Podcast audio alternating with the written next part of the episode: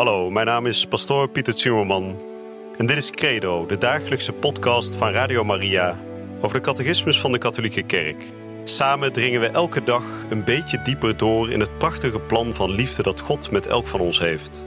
Laat je inspireren en ga met ons mee op deze avontuurlijke reis door het geloof.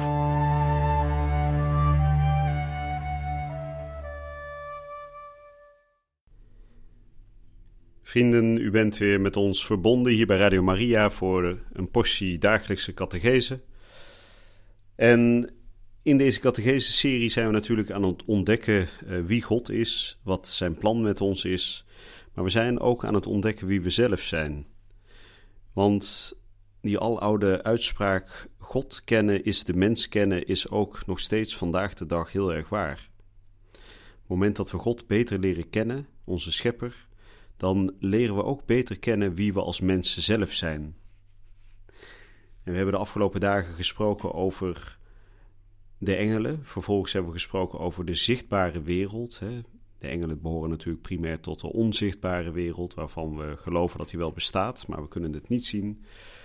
En in de zichtbare wereld heeft God de mens geplaatst in het hart daarvan als kroon van zijn schepping. En om die mens, om het wezen van de mens echt te begrijpen, kunnen, te kunnen begrijpen, moeten we eerst het wezen van God steeds dieper binnendringen. Dat is misschien niet helemaal het goede woord, binnendringen, maar we moeten steeds meer door God als het ware opgetild worden, thuisgebracht worden in zijn waarheden, in zijn wetten, om zo te zien dat we zonder de schepper, het schepsel, nooit volledig kunnen kennen. Nou, we gaan daar de komende dagen over spreken, over het mysterie van de mens. Maar voordat we dat doen, gaan we eerst nog um, de laatste dag van Gods schepping bekijken. U weet, God heeft de wereld in zes dagen gemaakt. Op de zesde dag schiep hij de mens. Maar er is nog een zevende dag. En u weet, die zevende dag is de rustdag, door de Joden wel de Sabbat genoemd. En we gaan kijken wat precies die betekenis is van die rustdag. Van het feit dat God de zevende dag uitrustte van al zijn goede werken. En we zullen eerst weer deze podcast openen zoals gebruikelijk met gebed. In de naam van de Vader en de Zoon en de Heilige Geest. Amen. Goede God, al bij de Joden was het een gebruik om de Sabbat te eren als rustdag, de zevende dag, de dag waarop u uw schepping hebt voltooid.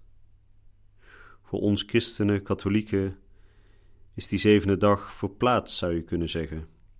Verplaatst naar de zondag, de dag van de verrijzenis. De dag waarop uw zoon Jezus Christus opstond uit de dood. De dag waarop de overwinning voor goed een feit zou zijn. We willen bidden dat we deze zondagsrust altijd mogen eren. Dat we juist in de rust die u geeft aan uw schepping, u herkennen als rustende schepper als degene die op de zesde dag zijn schepping voltooide, om op de zevende dag te kunnen rusten. In die zevende dag zien wij de voltooiing van alles wat er bestaat. wij willen vragen dat wij mogen delen in de rust die u aan uw werken geeft, en dat we eens mogen binnengaan in de eeuwige rust die bij u wacht, als we een leven lang u trouw zijn. Amen. We zullen gaan lezen de nummers 344 tot en met 349. Er bestaat een solidariteit onder alle schepselen, op grond van het feit dat ze alle dezelfde schepper hebben en dat alle geordend zijn om hem te verheerlijken.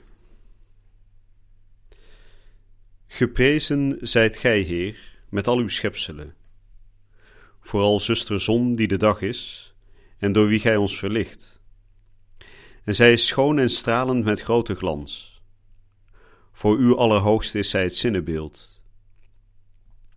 Geprezen zijt gij, mijn Heer, om zuster water, die zeer nuttig en nederig en kostbaar en rein is.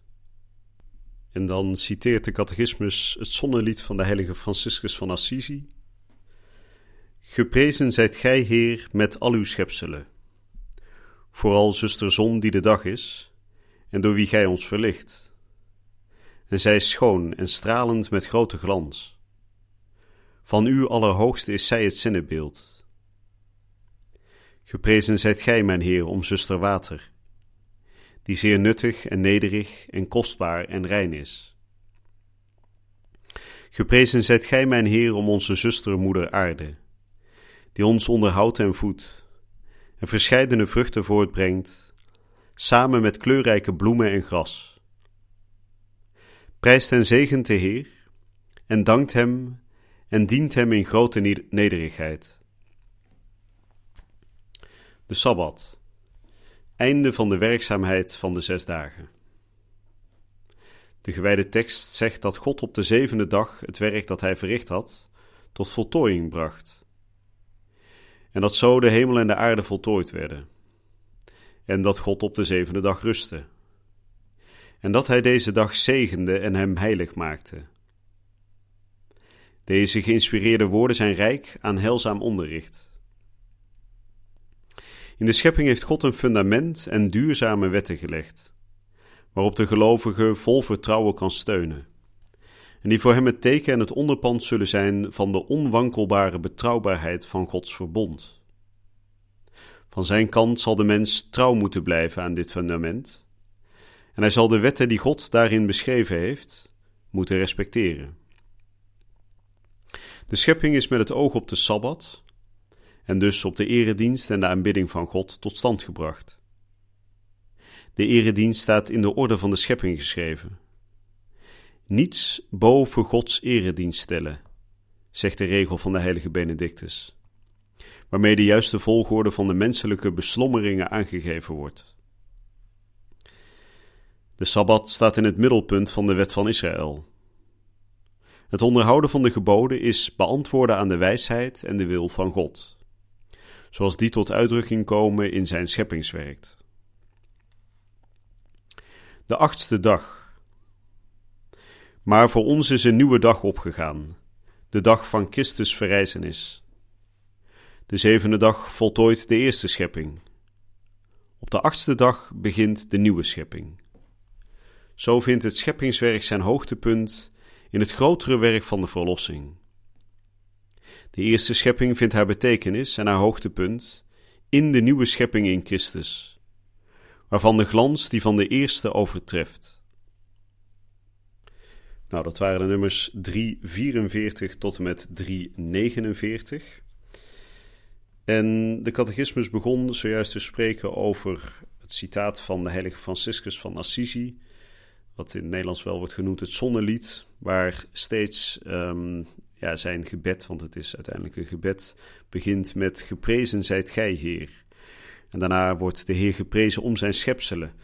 En Franciscus van Assisi die spreekt dan treffend over de schepping, hè, dus de zon en de maan, de sterren, het water, de aarde, als broeders en zusters. En we moeten dat natuurlijk niet te letterlijk opvallen. Hè. Het zijn niet een soort uh, bezielde wezens die ook een bepaalde um, zeggenschap in de wereld hebben. Nee, we moeten ze zien als broeders en zusters van ons in hun schepsel zijn. dus ze zijn net als, als wij zelf, als mensen, zijn ook zij gemaakt door diezelfde schepper. En in die zin hebben we dus een bepaalde familiaire band met ze. Dat is overigens niet hetzelfde als wat je in onze tijd vaker hoort, hè? de verering van moeder aarde als een soort godin. Dat is niet wat de heilige Franciscus van Assisi wil zeggen. Nee, hij begint heel duidelijk met het prijzen van God zelf. Hè. Hij is de schepper. En hij heeft het dus niet over moeder aarde als een soort uh, goddelijke entiteit. Nee, we delen een soort familiaire band met moeder aarde. Waarom? Omdat zij door diezelfde schepper gemaakt is. dus dat is iets wezenlijk anders. En um, nogmaals, Franciscus dacht dus niet dat de aarde ook daadwerkelijk een moeder was. Hè. Het is omwille van de schepper zelf dat hij daar een band mee aanduidt. Nou, dan wordt er nog gesproken over het belang van de Sabbat. Ik zei dat net aan het begin van deze uitzending al, de Sabbat, de zevende dag waarop God rust, die ook al in het hart van de wetten van de Joden geschreven stond. En het is niet zomaar een rustdag, hebben we net gehoord. Het is een rustdag om God te eren. En daarom staat op de zevende dag de eredienst, de aanbidding van God centraal. Dus we zijn aan het rusten van de menselijke arbeid, de aardse arbeid, om over te gaan tot de hemelse arbeid, zou je kunnen zeggen, namelijk de aanbidding van God. De heilige Benedictus die zegt dan zo, zo mooi: niets boven Gods eredienst stellen. En dan wordt nog even kort aangestipt de achtste dag. Ik weet niet of u ooit van dat begrip hebt gehoord, maar we weten de Joden vieren de zevende dag, de Sabbat. Wij noemen dat de zaterdag. En wij vieren de achtste dag. Waarom? Omdat in Jezus Christus de herschepping van de wereld is begonnen. God heeft zijn wereld geschapen, maar op het moment dat Jezus Christus naar de aarde komt en de wereld verlost, dan is als het ware de nieuwe schepping begonnen. De herschepping wordt dat ook wel genoemd. En daarom vieren wij als katholieken de achtste dag, de zondag. Dus de hele week is voltooid. En dan breekt er een nieuwe week aan, zou je kunnen zeggen. Een nieuwe tijd breekt aan. En die nieuwe tijd die breekt aan in het verlossingswerk van Jezus Christus zelf. Nou, we zijn gekomen aan het einde van de catechese van vandaag. Ik wens u weer een hele goede en gezegende dag toe. En in de volgende uitzending zullen we de afgelopen paragraaf weer in het kort gaan samenvatten. Ik hoop u hier weer te ontmoeten bij Radio Maria. Je luisterde naar Credo, de dagelijkse podcast van Radio Maria over de catechismus van de Katholieke Kerk.